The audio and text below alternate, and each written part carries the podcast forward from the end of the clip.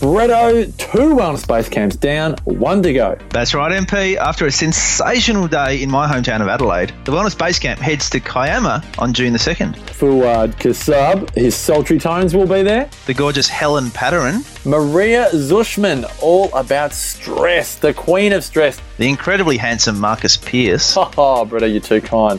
The hometown hero from Adelaide, the remarkable Dr. Brett Hill. It's going to be a great day, MP. And the best part is when you register for Kiama now, not only do you get two tickets for the price of one, you also get our recordings from the Wellness Base Camp in Brisbane, valued at $97. Oh, wow, MP. Brisbane was a great lineup, too. We had the Up for a Chat girls, Cyndi O'Meara, Kim Morrison, Karen Smith. It, it's a fantastic recording to chuck in. Eight presentations from Brisbane. Saturday, June 2 for Kiama at the incredible pavilion overlooking the ocean, Bretto. I don't want to sound biased, but it is the most remarkable venue that we've had for the Wellness Base Camp so far. Saturday, June 2, two for one tickets at thewellnessbasecamp.com. That's thewellnessbasecamp.com.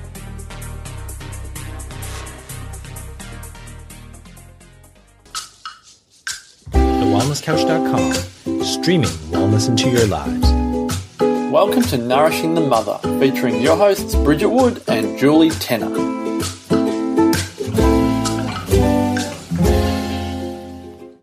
Hello and welcome to Nourishing the Mother. I'm Bridget Wood.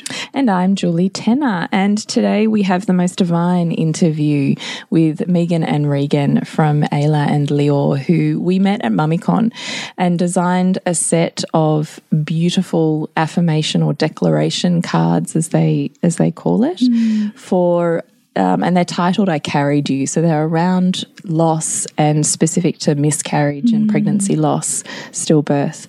And they're just divine. And we were so heartfelt and moved by them at MummyCon that we thought we mm. just have to share them with you beautiful women because we thought you'd love them. And also having a man as an experience, that masculine of, of what that experience was like for him, I was mm. also so ready to dive into that as well. And he totally showed up for He that. He really too. did. And I think that so often in women who are caught in this space and this terrible, you know, experience of grief that's so often is all encompassing, it can be really difficult to hear where they're at. Mm. And so this is a really beautiful perspective to um, dive into. It really is. Before we do, I would love to remind you to jump onto nourishingthemother.com.au and sign up to join our tribe, where once a week we send you an email with links to everything we've put out in the world, and you can pick and choose where you'd love to dive deeper. So I want to tell you a little bit about Megan and Regan. So they're a husband and wife team currently living in Melbourne. Megan has a Bachelor of Psychology and Regan is a singer songwriter. Together, they are also completing their final clinical year of chiropractic studies at RMIT. They are passionate about seeing people achieve their full potential and living their own. They have recently started a business to empower women healing through pregnancy loss and baby loss. They have made it their mission to become more open about baby loss in all forms miscarriage, pregnancy loss, and stillbirth, releasing themselves and others from the stigma attached while bringing healing to countless families who have also been on this journey.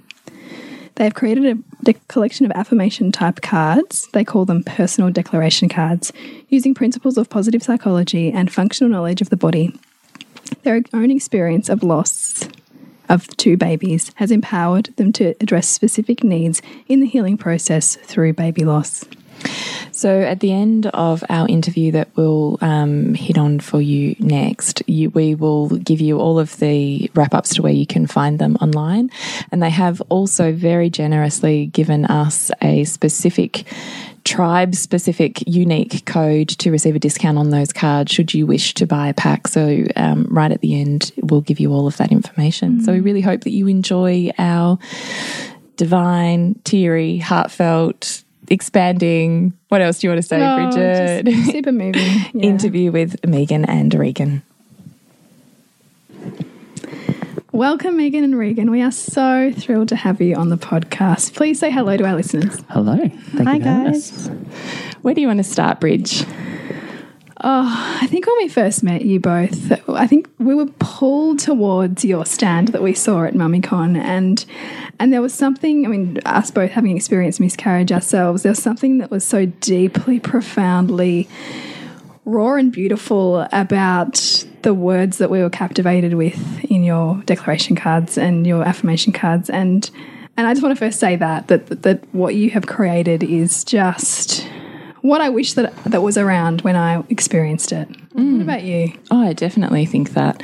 I think you- I agree with you. We were drawn to that table, and when I'm thinking about it and I'm casting my mind back there, it was it was you know white, and there were these soft hues of the feminine and this mm. gold that said reverence and and remembrance for me. Mm. And I think that was what pulled me in originally. Mm. And then I had a brief conversation with Yurik, and I was like, "Oh my god, he's so beautiful."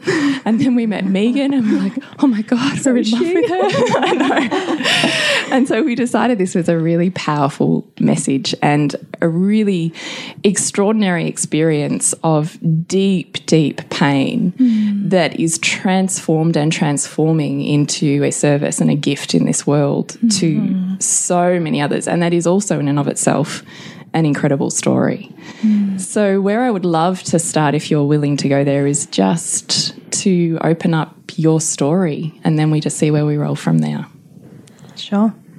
Um, first, thank you so much for talking about um, the colours and the things that attracted you to the brand and the cards because they were things that we really thought out and pulled out specifically uh, to reach women who have been through this experience. And um, I've actually just put up a little Instagram post recently talking about um, the intention behind all of the things that we put into creating the cards. And we really wanted to create that ritualistic, reverent feeling. Um, so it's so Oh, you've lovely nailed that. That you have acknowledged that. Thank you. I saw that actually on Instagram. I was looking just before we met you guys, and I was seeing the eucalyptus, and that in and of itself, even in choosing those hues, that it was had very much a resonance with the lungs, which is obviously the the emotional holding space of grief. And I just thought, oh my gosh, this is just so multi layered. So thoughtful, I think, all of it. But we'll, we'll hear from you on that. Uh, I I think our story um, with miscarriage began back. Um, I think it was 2014. Uh, we were in our first year of um, our five year degree, and uh, we got pregnant um, unexpectedly, but we were so excited about it. Um, and we were both very naive starting out um, that anything could really go wrong. Um, and fast forward a little bit, and um, I began experiencing symptoms of miscarriage, such as cramping and spotting. And we went to the obstetrician, um, who thought that things weren't going so well. We went for an emergency ultrasound, and it was kind of um, in in that moment of knowing that our baby wasn't alive anymore, that our lives completely changed. Um, and from there, we found out that there are a few other things that went wrong um, with the pregnancy that really led us on a big healing journey. Do you feel like you can talk about what those things are and, and what evolved in terms of a healing journey? Yeah, for sure. It is so multi layered, and there's so many um, aspects that come with healing from a miscarriage. Um, and one of the things that I struggled with was my foundational belief systems around life being challenged, believing that I could carry life, but also experiencing um, loss inside me on such a deep level uh, was a really big healing journey for me to come back from that place. And the grief um, is also multi layered with any loss, uh, but with the hope and the expectation of having a baby and the things that you imagine that baby would be doing by now and what they'd look like. They are things that um, happen continually throughout my life that is a new layer of healing that I have to go through. Healing's never a one moment experience, is it? It's constantly evolving as we get those new layers. Mm. What I've not, other than with my own husband, I've not heard another male's experience of pregnancy followed by loss. I'm wondering, Regan, if you could talk us through what your experience of that was. Yeah. Um, I think in in terms for us, it was probably a little. Uh, I don't know. I've um, definitely felt like as soon as I remember, I remember the, the, the day, I remember the time, the exact time that Megan was like, "I think I'm pregnant," and she just started to freak out because obviously it wasn't planned for us, you know, first year of, of uni and and um, uh, it was just this whirlwind of emotion as we often you know you hear about it and you talk about it and until you're in it you're just like you don't it's just something else. And um, in saying that i am very much looking forward to being a dad and have done for a while. Um, and so there was definitely the part of me was more leaning towards that this is awesome. You know i'm so excited. Like this is terrifying and i have no idea how it's going to work with uni but this is you know this is fantastic. Um, and so anyway, we went to as people be able to read. Um, we went to the shops and got a few different pregnancy tester packs and different brands to make sure that it was you know uh, properly covered and and um, yeah, it was just that process of kind of working through it and and we kind of got to that stage where we had um, decided that we were both going to try and stay in know, like keep going through the degree together. Um, we'd you know finally gotten this resolution about ourselves that yeah this is what we're doing this is how we're going to do it. And then all of a sudden it's just gone and you're left with four weeks before you're back at uni. Got to be in the you know getting strapped back into that science head and, and that thinking. And all you want to do is just push your thinking brain away and just hide and just you know and it's hard. It's it's really hard. And then i think the hardest part for me was obviously wanting to protect megan and protect us and and our relationship. And there's just there's a level of turbulence to all of that that just makes that seem so impossible. And it kind of is impossible. You just kind of you just have to keep and it's probably one of the things that i struggle with because i'm not I'm like not a small tasks kind of person. Like at the moment in in uni, we have lots of like little assignments to do throughout the semester, and I'm like, give me three, you know, exams or assignments that I can just focus on and get them done. Um, but for something like this, with supporting Megan and helping us kind of move through it, there's lots of little things that needed to be done, mm. and especially for the first little while, I just didn't get it. I didn't get it. I was trying to uh, being a middle child myself, I was trying to play the balancing act. So Megan was, um, you know, dealing with her grief the way that she did, and and that was to um, kind of withdraw a bit within herself, which is fine. Everyone grieves and processes differently, but for me, I saw that and thought, all right, so I need to go and try and get us socializing, get us out a bit more, and try and fix, you know, to balance. Mm. But that's not what Megan needed, and so that that put a lot of strain on top of onto our relationship as how did, well. How did you work out that wasn't what she needed? Um, that's a great question. She probably told me. did you, Megan, or was it assumed knowledge from you? Did you ever feel? I mean, what are you thinking as you're withdrawing into yourself? What are you going through there, and what are you noticing with Regan?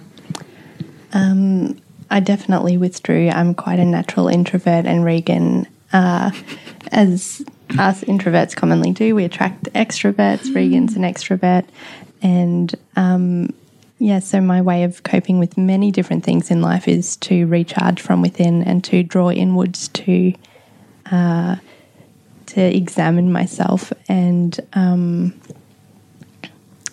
I think Regan didn't do any harm in trying to engage me in um, social activities and drawing me back out of myself because sometimes being in that internal environment can be very cyclic, very circular, and you kind of need to be um, extracted from that a little bit sometimes. So I think that it was a constant, like Regan said, a constant rebalancing of um, having sacred, quiet time, but then also re emerging from that to celebrate life and to um, experience joy and happiness again. So um, it was a continual effort to communicate through that time and between balancing each event, each moment was a bit of a dance as to what we both needed at the time. And I think we, we are still learning to communicate that and to talk about it and um, be really open with what we both need. So I think it's not something that we nailed at the time, it's not something that we've nailed now, but we continually put the effort in to talk about it and to be open and non judgmental in that space for what the other person needs. So when you've realized going out and trying to drag her out of the abyss that she's in isn't perhaps exactly where she needed to be, how did you meet her and where did you meet her? I wrote her a song. I think we just found a little bit more in love. yeah. Um, yeah, so my um, coping mechanism for a lot of difficult difficult times over the last however long has been to write. So I'm a musician, play guitar and sing, and I proposed to Megan with a song, and um, yeah, so that's kind of it's my thing. So I wrote her a song, and and that probably helped me just as much as it did her in terms of I was able to um, get my emotions out and uh, do something productive with them.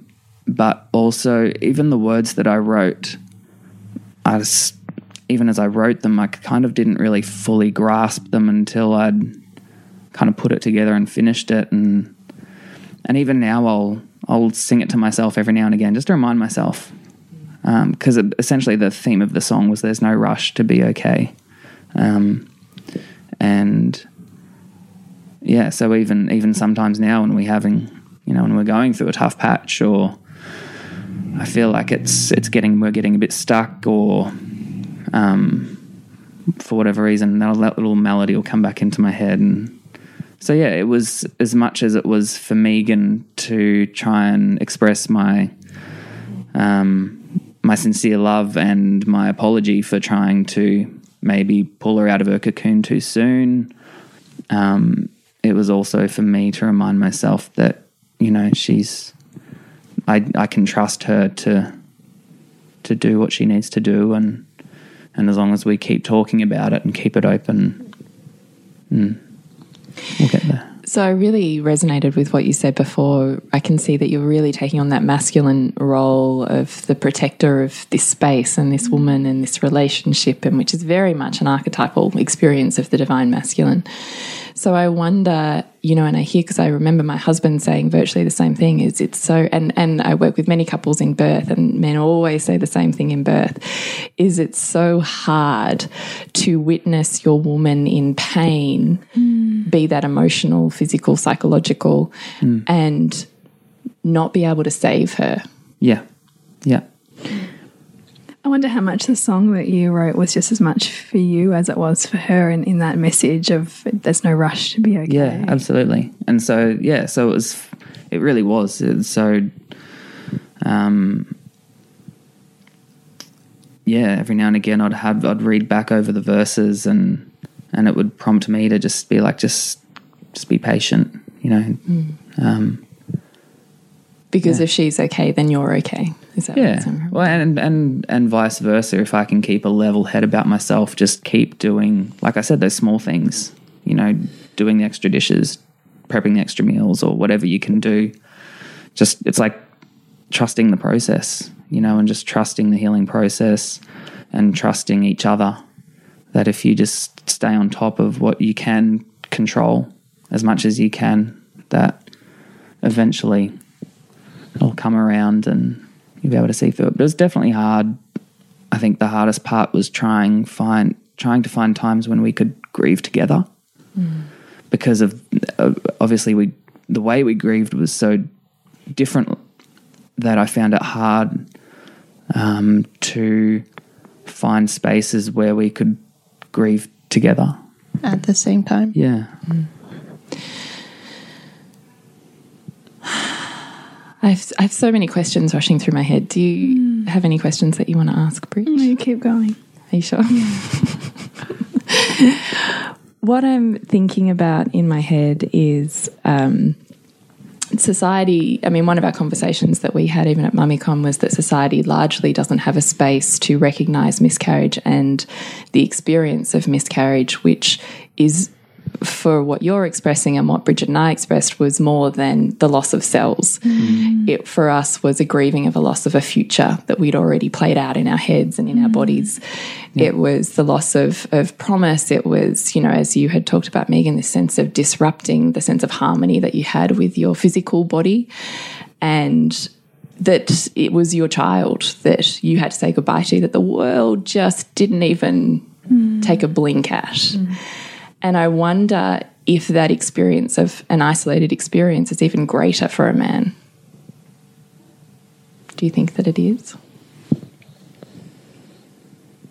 you think there's less of a space for men to even have that experience? Yeah, absolutely. And in fact, a lot of conversations I've been having with with friends recently as we've been because Megan and I have been throwing around, you know, like we've we've created this incredible product that's incredibly feminine and just um, so gorgeously supportive of women in their grief. Is there something that we can do for men? But it's just, uh, I you know, even I have a couple of friends who are psychs, um, and just talking to them about it, and and at the moment he, you know, I said because we have, I've showed him the cards, and he said, you know, yeah, I use like affirmation cards and things myself, and but it's still such a rare thing to talk to a to find a male like, that would you know take something like this, and um, but I feel like for me, even at the time, I just wanted just mates, you know, you just wanted to like we were we just moved to Melbourne from Queensland, we had a little bit of family down here.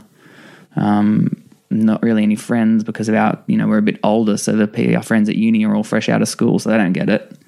And we just we didn't have a support system around us at all, and that was really probably the hardest part for What me. did what did you need? I just wanted wanted some mates to just have a beer with and catch up, and not even necessarily talk about what was going on, but just that camaraderie, just knowing that they've got they've got your back, someone's got your back, and mm. and so yeah, it can become very isolating because you know even trying to provide space for that kind of conversation it doesn't necessarily even need to happen. That's the thing like for me i don't think had there have been space with people to necessarily talk it out i would have all the time. Like i am a very open kind of book person. Like i probably talk too much and tell too many people too many personal things.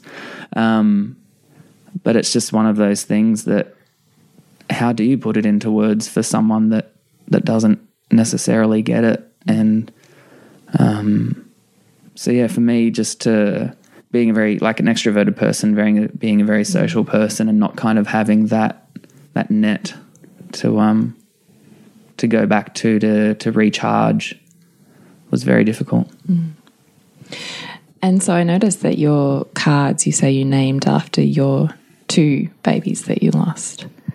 Would you like to continue your story? Sure. So, um, that first miscarriage um, was, um, yeah, back in the in first year of uni, and we had to, well, I had to have a D&C, so surgical procedure to um, remove the contents of pregnancy, as it's referred to in the medical world. awful? Um, and so undergoing that surgery was um, actually quite traumatic. It is considered to be a very minor medical procedure in in terms of the medical in the in terms of stages that you can have of medical procedures, I suppose. Um, however, it is already a very traumatically or traumatic emotional experience to then have a layer of physical invasion um, for a surgery like that took a lot for me to um, face that and to recover from the thoughts in my mind of um, having a surgery, and we um, we have quite a natural lifestyle. We really love um, holistic forms of care. So to kind of submit to that medical system for a surgery for a process that I really wanted more than anything my body to take me through myself um, was really difficult.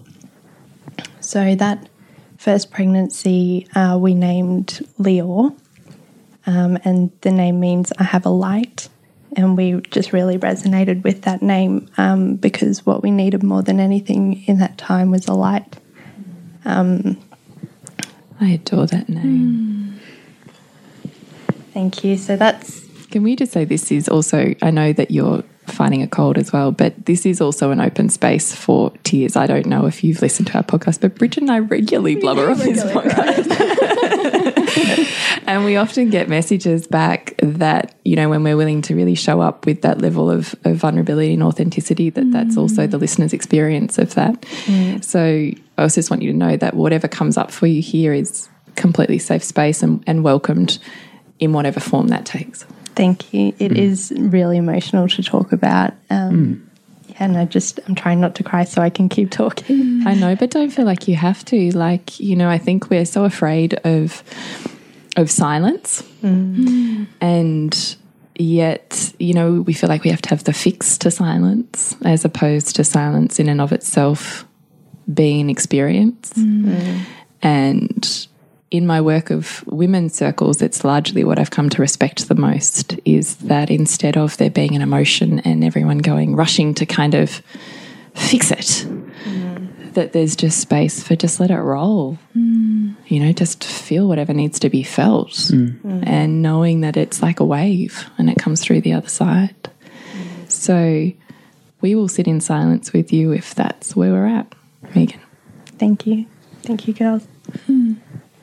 Um, so, continuing on um, from that, um, we later found out that uh, that first miscarriage was a molar pregnancy, a partial molar pregnancy, uh, which is a rare kind of complication that can happen um, in pregnancy where um, the placental tissue can embed in the uterus and continue producing hormones, um, which can then turn cancerous.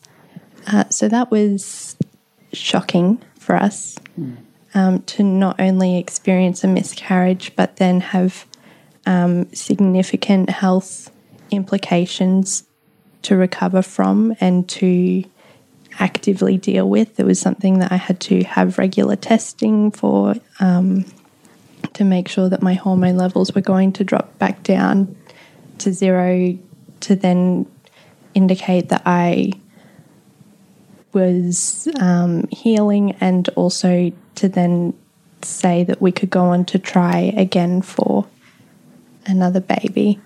Uh, so that took quite a long time um, in that process for my hormones to drop back down. Um, and in that time, I was I became consumed with that physical healing, and I I think I probably brushed under the rug a little bit um, and neglected my emotional health um, as I just continued to strive to see my hormone levels drop back down to zero. So I allowed that to really consume me for a long time. And um, it was later when I had a second miscarriage that I realized I had these emotions from the first miscarriage that I hadn't addressed and I hadn't embraced and hadn't integrated into my life. And I talk about that in the cards. Um, I integrate changes into my life. I can't remember exactly how I said it, but it was a really big affirmation for me to understand that it was safe for me to change and safe for me to integrate the new woman that I was becoming through this experience after that. Is that where you started your affirmation work that has ultimately led to these cards? Absolutely. It was it was the compounding nature of um, the emotional distress I felt from that first miscarriage that resurfaced in the second, and that's when I began writing the affirmations. How did you know it had resurfaced as opposed to experiencing pain from a second loss? Um, I think I felt the same fear in the same way. I didn't feel the same fear in a new way or in a different way, and um, it was very visceral experience. Very, um, I could feel that my body had held on to those emotions for so long, and that the recovery of the second miscarriage wasn't just kind of an add on top of those emotions. They ran very deep, and um, I'm not, yeah, I'm not sure if I have the language to describe it any more than that. It was, it was old grief, and I think that we all have that from various experiences in our life when we lose people or when we lose things that we love and we have that those old patterns that we can quickly fall into and the old um, I don't want to call it baggage, but the old and Wounds. yeah, the old wounds. So, when you had that realization, what did that look like for you to then choose perhaps a path of leaning in and working through as opposed to the physical healing approach that you took with the first one? It was very conscious. Um, I chose to lean in and I chose to um, accept that it had happened and accept that um, I had to heal. And I, I remember consciously realizing that um, to heal completely, I had to go on this journey and to begin to write the affirmations for myself. It was a really um, conscious effort at first. Where did the affirmations come from? Like maybe Bridge and I, we've pulled a couple out of your beautiful pack. Maybe we could just read those and then you perhaps might be flooded with some memories of experiences that you remember. Well, it was when I was traveling this that I realized this. Because essentially, did these cards represent a healing journey that you yourself went on? Yes, absolutely. I wrote 40 cards. Uh, I chose 40 affirmations from, there are probably a couple of hundred that I wrote. Had you had this gift before for writing affirmations?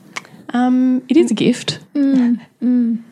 I'm, I'm not sure. It hasn't presented itself in this way before. So something cracked open. Yeah, really did. Do you want to go, Bridge? Yeah, I- I will start with this one, which which I think um, I really resonated with because I I think that we can get so stuck in loss um, and and the pain, and and this one for me signals where you've looked for the wisdom, where you've looked for the appreciation, and so I'd love to know, I guess, the context for this one. So this is. I thank my baby for the joy that came with expectation, for the dreams and love that their life brought. such a big one. I remember um, I remember writing this one and I remember feeling that I had moved so far to the side of grief that I had forgotten what it was to feel the joy of my pregnancy. And I had shifted from that amazing feeling that many women experience when they're first pregnant and it's it's all of the things that you have to rumble with. It's the vulnerability and it's the excitement. And when that gets taken away, and you move to the other side of the spectrum of feeling angry and hurt. I really needed to remember what it felt to have that that appreciation for life again. I'm just grabbing tissues for everybody. Yeah. that's sitting here. What really speaks to me, and that is that there is such a profound teaching for everyone about moments and how fleeting moments are, mm. and and how much we take for granted life, you know, and and the and the richness when we can, I guess, try as a, as a, as impossible as it might feel, to, to to find that reframe and to find that you know, gratitude for, for what was there. Mm. Mm. The one that I chose, I've chosen a few, is I offer myself deep compassion every day. I take loving care of my body.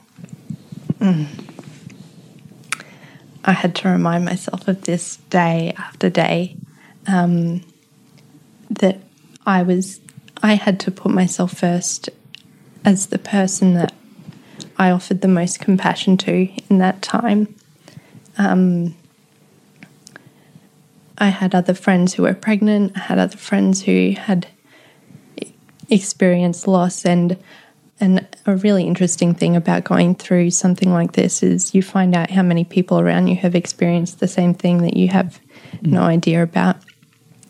And sometimes the journey can involve those people unpacking their things um, with you or to you. With you or onto you. And I got to a point um, where I felt exhausted.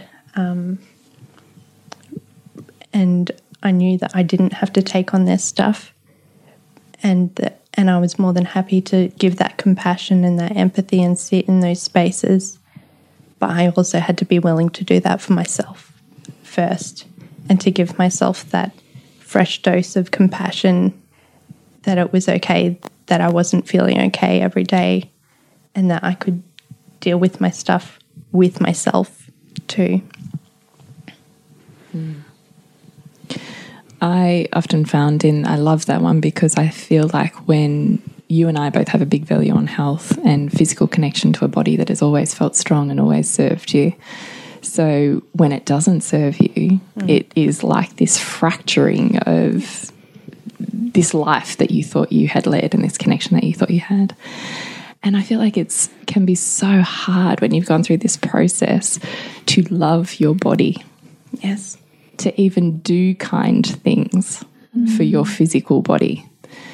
Because I found myself wanting to punish this body that had stopped working.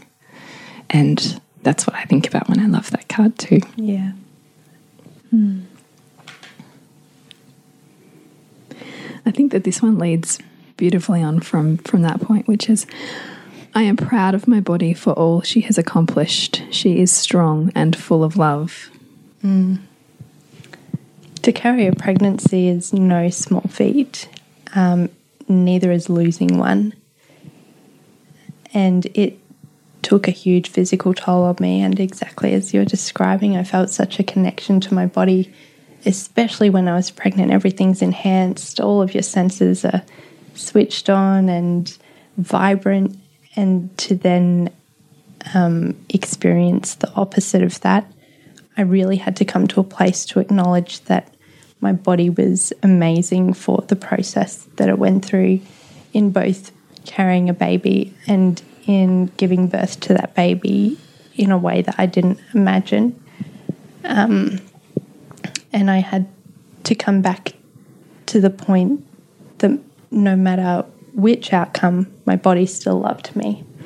And I didn't believe that at the time. I, I was very angry at my body. I felt betrayed. Um, and I had to remind myself that my body had a deep love for me as much as I should have had for it at, in that time.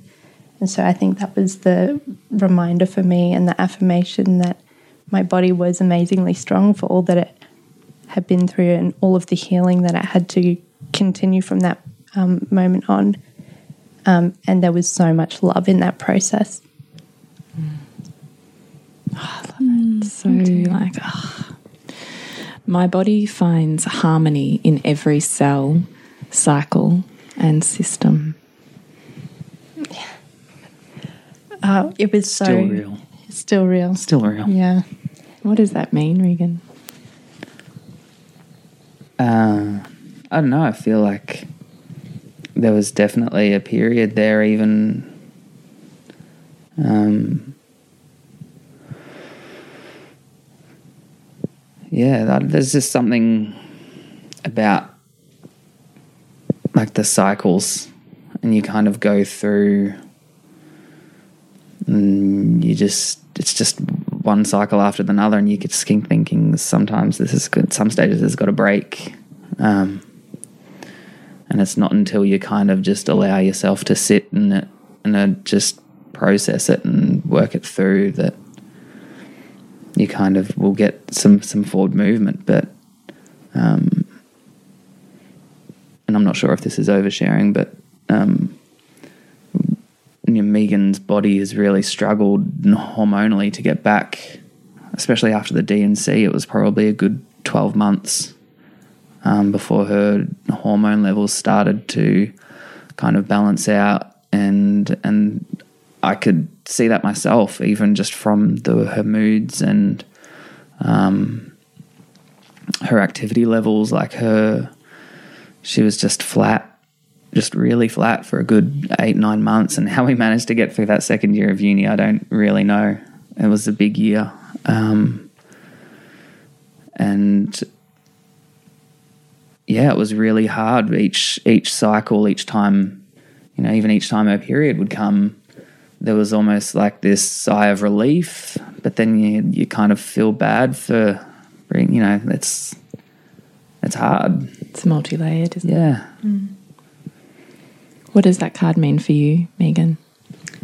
It was definitely about uh, finding harmony in my period coming back and regulating itself and all of the things that um, that many females struggle with uh, without having a pregnancy or a miscarriage. Um, but it was about acknowledging that on the deepest level of me, I was able to find harmony for those things to return and to restore themselves. Um, because it it was actually quite traumatic to experience uh, my first period after having a miscarriage about having the, that visual reminder of blood and of pain and cramping it it takes your body straight back to that moment. And um, and to have harmony in the cycles of life of my period and coming back to myself I it was a conscious effort to remind my body that those things were possible and they could happen again for me. And um, and just that gentle reminder um, yeah of harmony on on those multi levels of, from the cycle all the way down to every single cell in my body achieving that for for me and for us And in the relationship as well. Yeah, I love Yeah. that. In and of itself, it's an organism, isn't it? Yeah. Yeah. Yeah. I'm wondering when you wrote this card that my body is finding harmony within, and you're saying right down to, you know, the very basic of movements within our body. What was the kind of time frame between you initiating that as an affirmation or a mantra and you experiencing a, a hormonal shift? probably six months. It took time. It took nurturing, and um, yeah, it, it took quite a few months for things to regulate back out, and um, and to remember too that we kind of ovulate from a different ovary each month. So for both of them to have their turn of expressing themselves and to relax and move back into a healthy state, um, yeah, it took quite a few months, and we were very active in terms of getting acupuncture and using foods to really support that process, but also on the emotional level, um, allowing and accepting that harmony took quite a few months. I find that interesting that you say for each of your ovaries to have a time for expression. What does that mean? I, I think, um, you know, we generally will ovulate from a different ovary each month, and it's not until you get that period that you can understand how that ovary experienced the following or the previous, sorry, the previous month. Um, and I feel like each one kind of takes their turns in letting you know how they coped with. Hmm. That previous month, hmm. like a message, Yeah, it's a message. a felt, a body felt message. Hmm. I, I love how much this speaks to your deep connection with your body and therefore the enormous pain and grieving that came from this perception of disconnection or your body betraying you. I wonder how much this has taken you on, perhaps a journey you never wanted, but a journey towards a greater, deeper, broader understanding of health.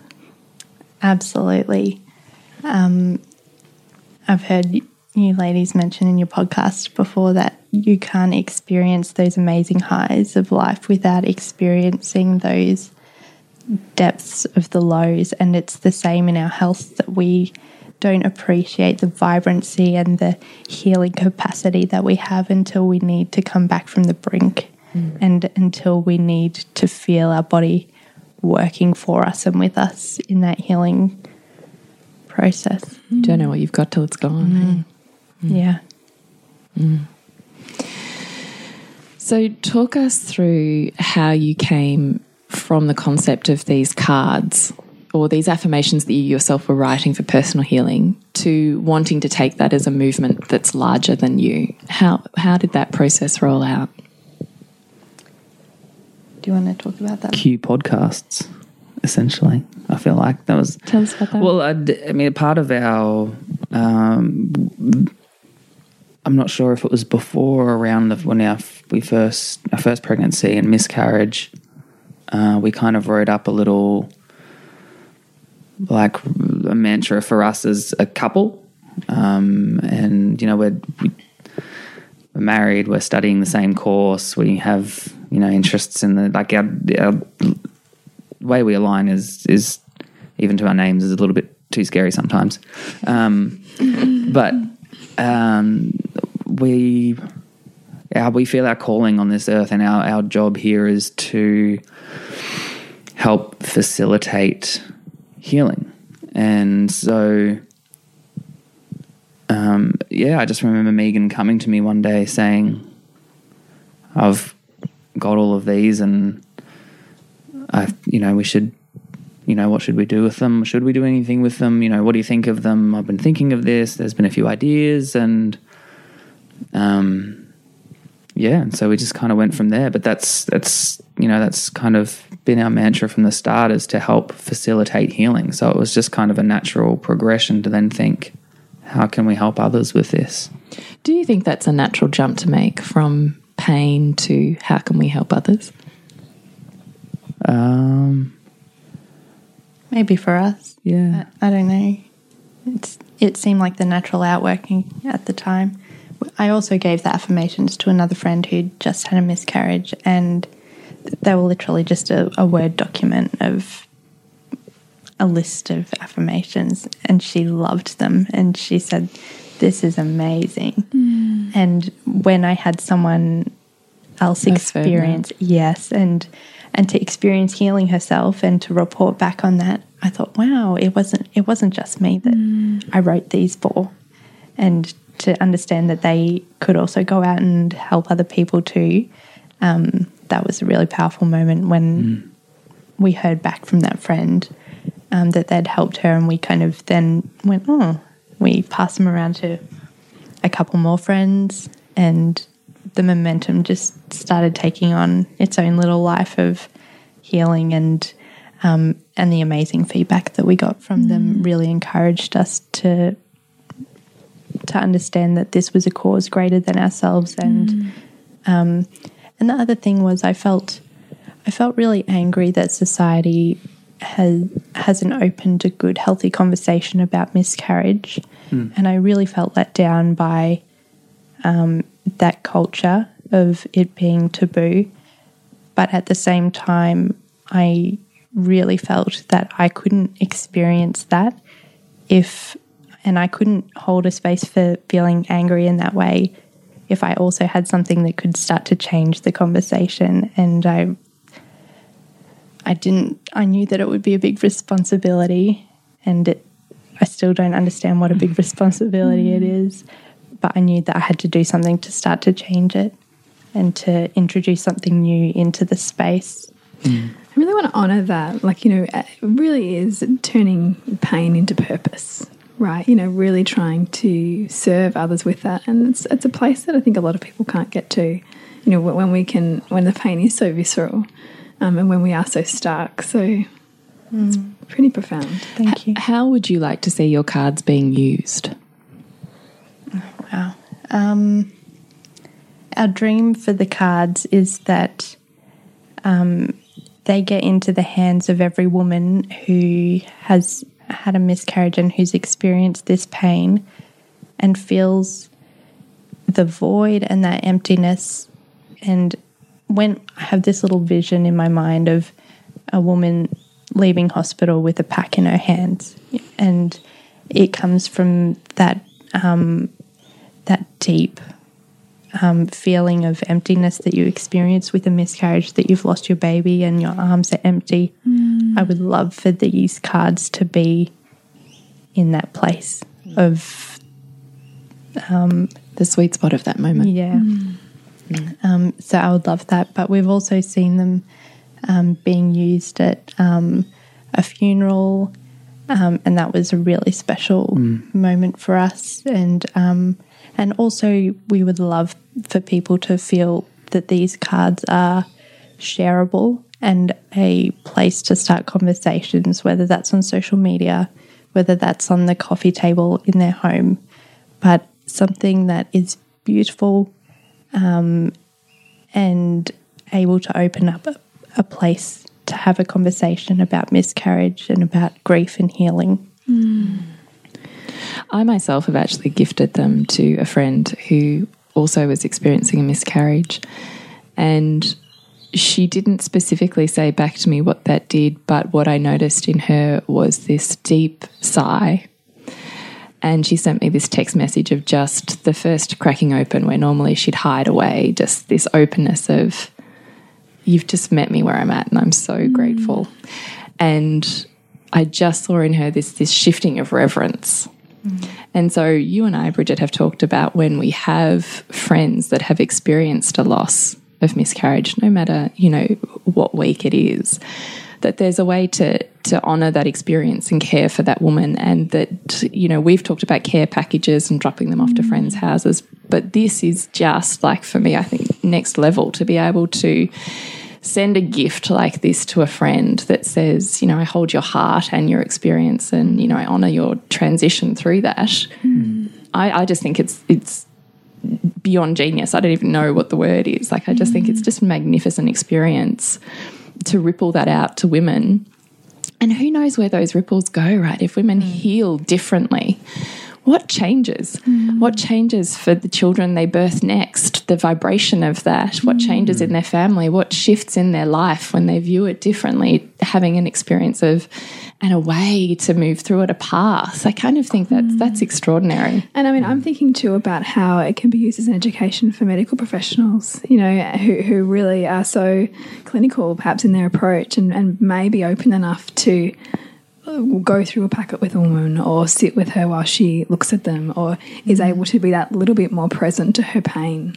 Mm. You know, because of where you take this. I mean, I when I had a D&C with my miscarriage, there was a trainee obstetrician there, and he he helped me because he was willing to listen you know and and he listened to my value on natural health and acupuncture and listened to my trust in my body and and had a level of reverence for that and i thought his attitude was, was able to bring the balance point to the immense grief that I felt about being in a maternity ward when I was about to have a procedure to take my baby away. You know, and, and and that is where I also see them being able to be used. Mm. Mm. Yeah, wow. Thank you. That's amazing. Is there anything else that you feel is left unsaid or that you would like to say, either about your cards and your experience or for the women that are listening? Now, our audience is a group of mums who are on the journey of infertility or wishing to become mums. Um, and women who are already mums, women who are grandmothers. But what they share in common is a, a reverence for consciousness, for health, and a drive to awaken more of what's possible for an experience of being a woman in a woman's body. So, is there anything for both of you that is left unsaid that you would like to ripple out? Um, I think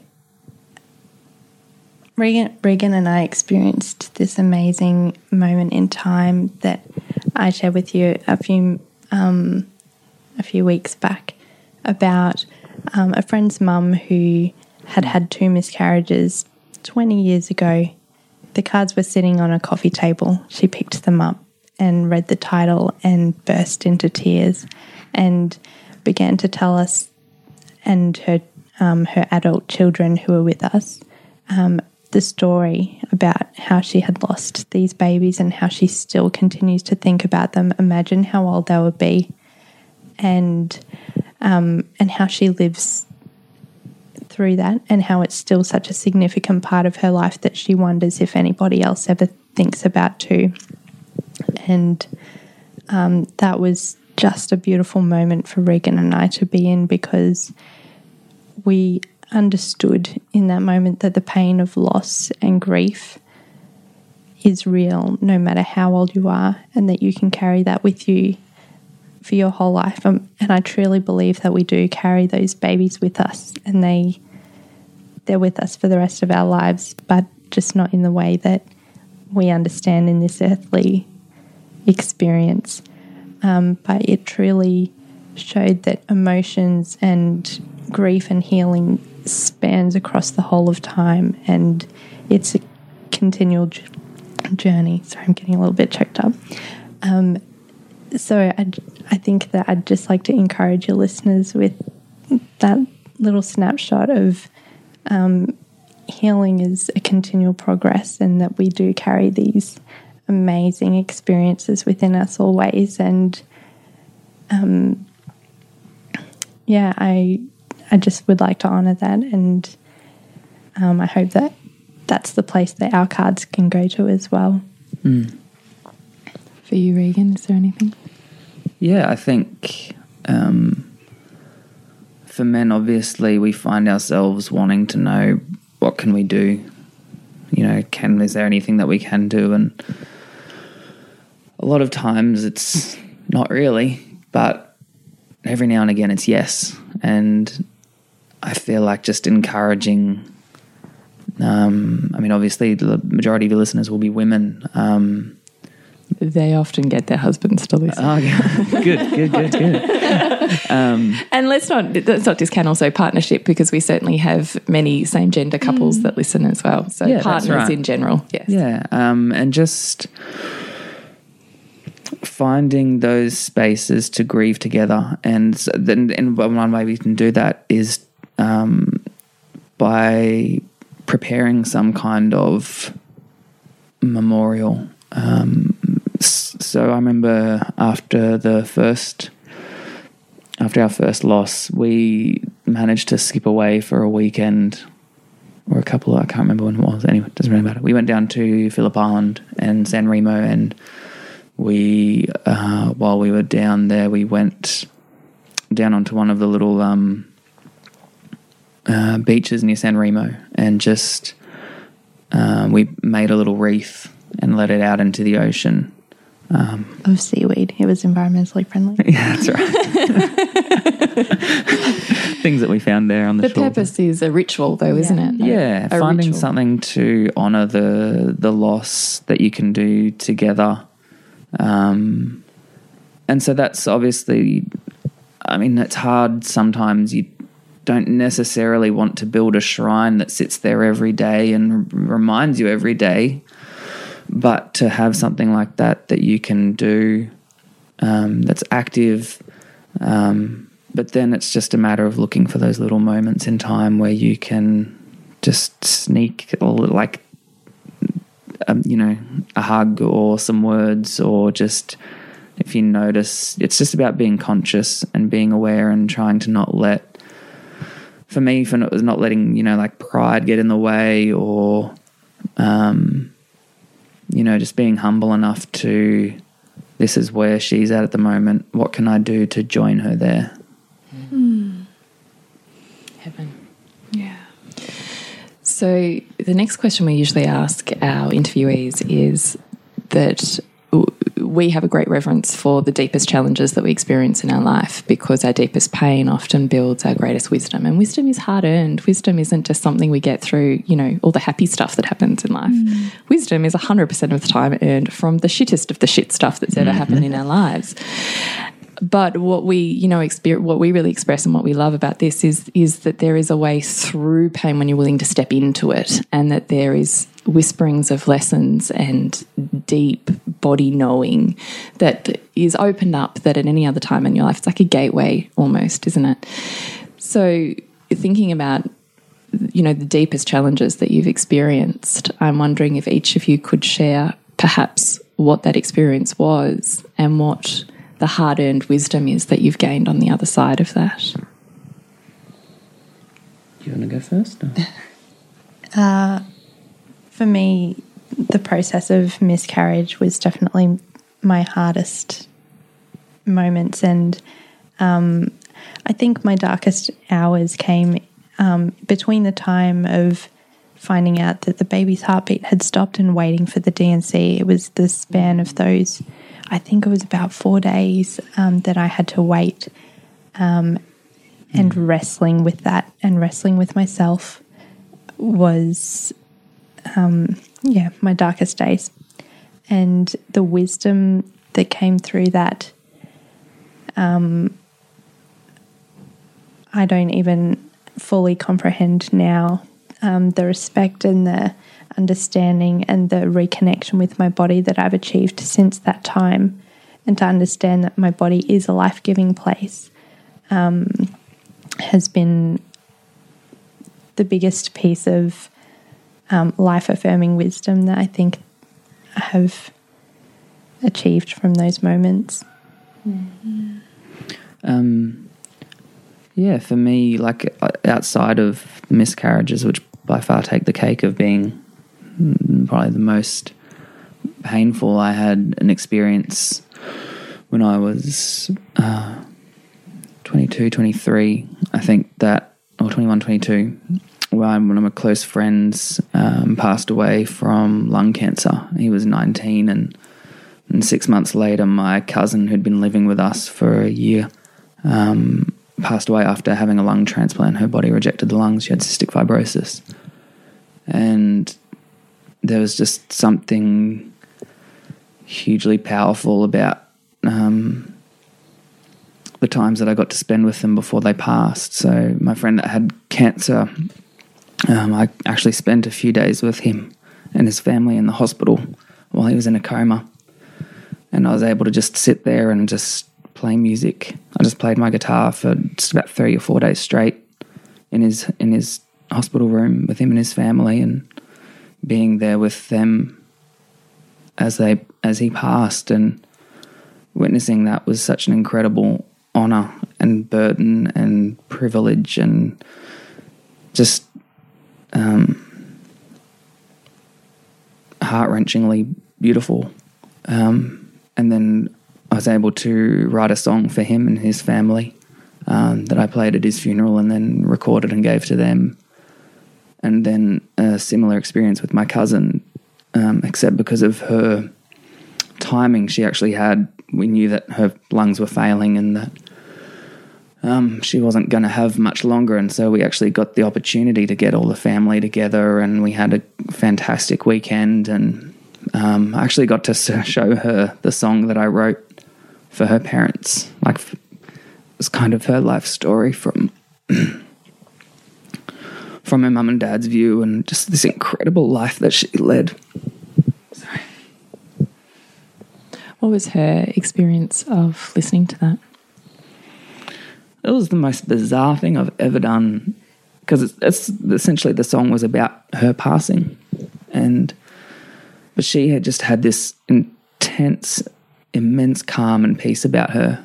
She'd been in and out of you know possibly life-ending surgery since she was you know born, so it wasn't for her. She was she was at peace. And she was obviously very taken by the song and she loved it. And and um but it was yeah it's still to this day one of the most uh intense memories i have. I find that there's no accident in these in the events. The event of witnessing death at a young age is transformational. Hmm. The wisdom that we glean from life and death of which pregnancy is both, is an experience that I think sets you up for so many other experiences, particularly as be, being a healer. Hmm. So, given that you had a very intimate experience of passing, what is the meaning or the wisdom that you have culminated out of that that's changed the way that you have henceforth lived, viewed, believed? What, what, how has that changed? well, from Rory's, so Rory's my friend that had cancer and passed, and he um, he just had this incredible vibrancy for life and um, just incredible love for everyone that he met. It's just, uh, and so for me, coming out of that experience was this very just real kind of just love, just love everyone, you know, as much as you can, and and that you have so much more love to give than you realize, and and then with Amy, she just had this incredible go get 'em kind of attitude. Like she had good lungs for maybe a week. In that time, she climbed a mountain and like she just didn't let anything stop her. And so at 22, 23, I, when she passed, there was just like this, all right, so what am I going to do? What, you know, she's had this, she had maybe five days of good lungs and she climbed a mountain. I've got hopefully a good few years left of me. What can I do with them?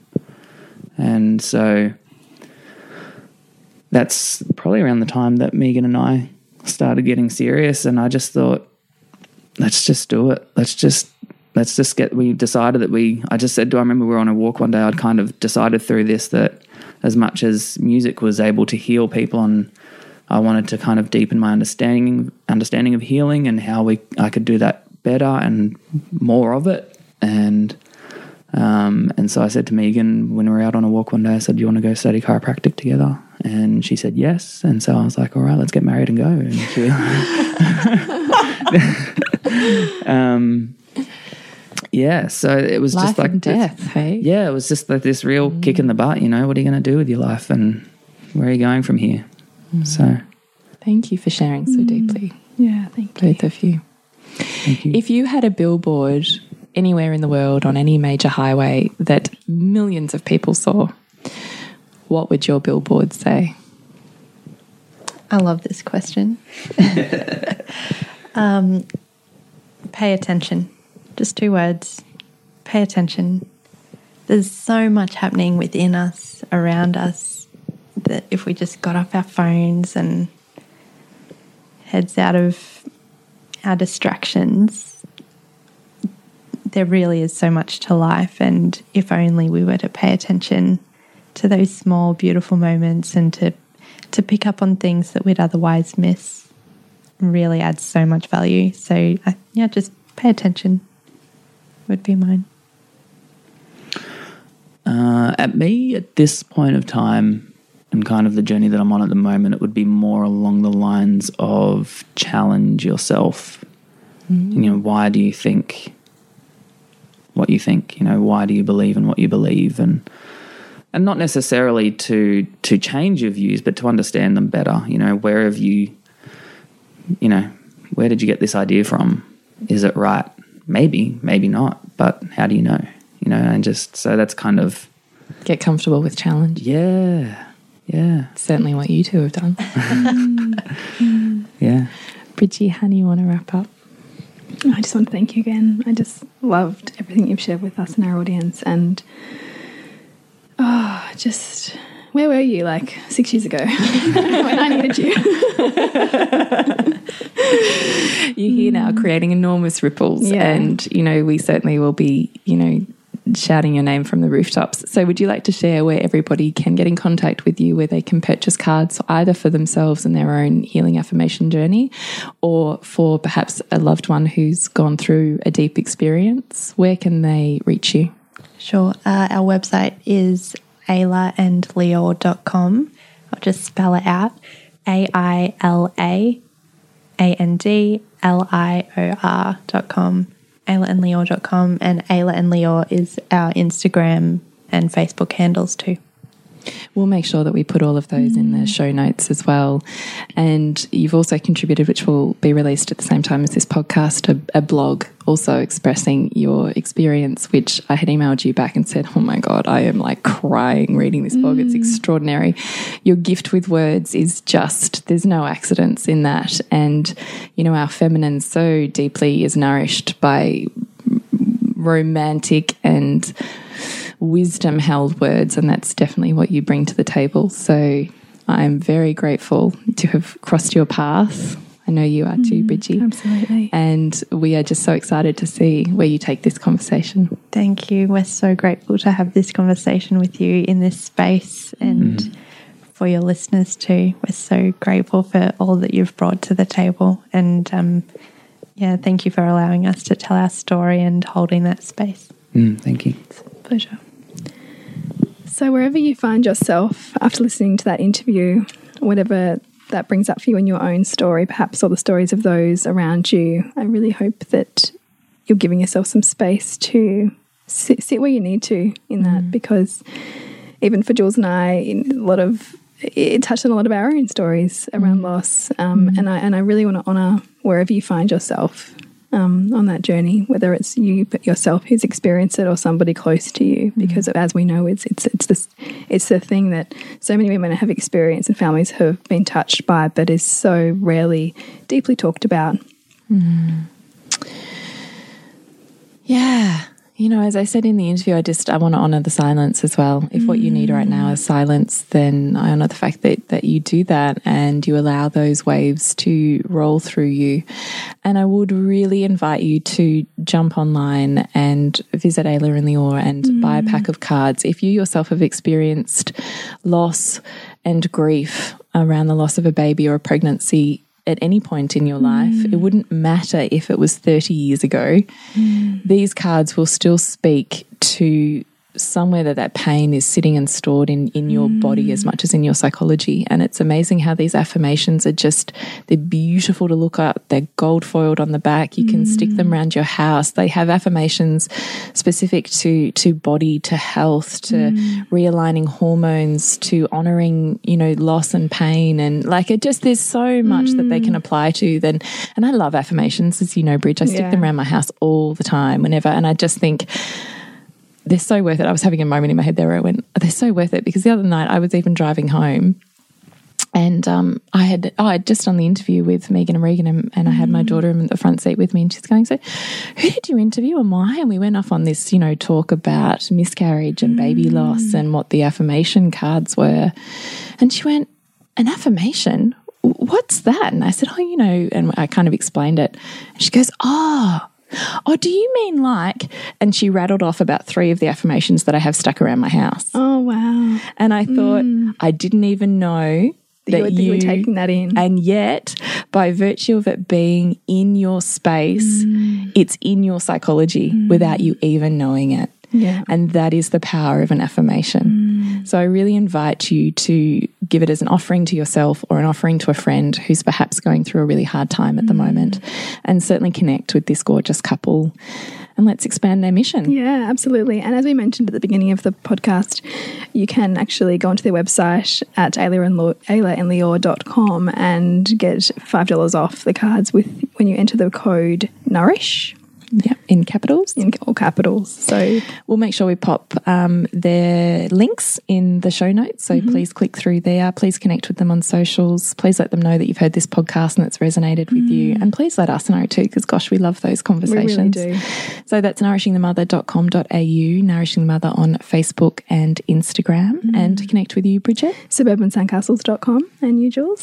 is thepleasurenutritionist.com. And remember to nourish the mother to rock the family. And we'll see you next week when we continue to peel back the layers on your mothering journey. This has been a production of TheWellnessCouch.com. Check us out on Facebook and join in the conversation on Facebook.com forward slash The Wellness Couch. Subscribe to each show on iTunes and check us out on Twitter. The Wellness Couch, streaming wellness into your lives. Whilst the Wellness Couch presenter endeavor to provide accurate and helpful information to their listeners, these podcasts cannot take into account individual circumstances and are not intended to be a substitute for health and medical advice from a qualified health professional. You should always seek the advice of a qualified health professional before acting on any of the information provided by any of the Wellness Couch podcasts.